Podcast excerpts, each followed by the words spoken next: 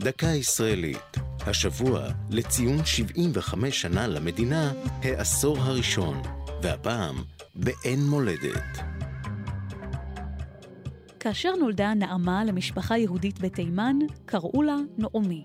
את שמה שינו ערבים שחטפו את משפחתה, הרגו את הוריה ואימצו אותה. כעבור שנים היא פגשה רועה צאן יהודי, גילתה את שורשיה והצטרפה לקבוצה העולה ארצה. מסעה של נעמה נעמי, בגילומה של שושנה דמארי, שכבר אז הייתה מכוכבות הזמר העברי, עמד במרכז הסרט באין מולדת. הסרט יצא בשנת 1956, וביים אותו נורי חביב, עולה מעיראק, באולפן שבנה בעצמו בהרצליה. באין מולדת היה הסרט הישראלי הראשון שצולם בצבע, וכדי לאפשר את הפקתו, שנחשבה ראוותנית ביחס לתקופה, השקיע חביב את כל כספו, כ-300 אלף לירות.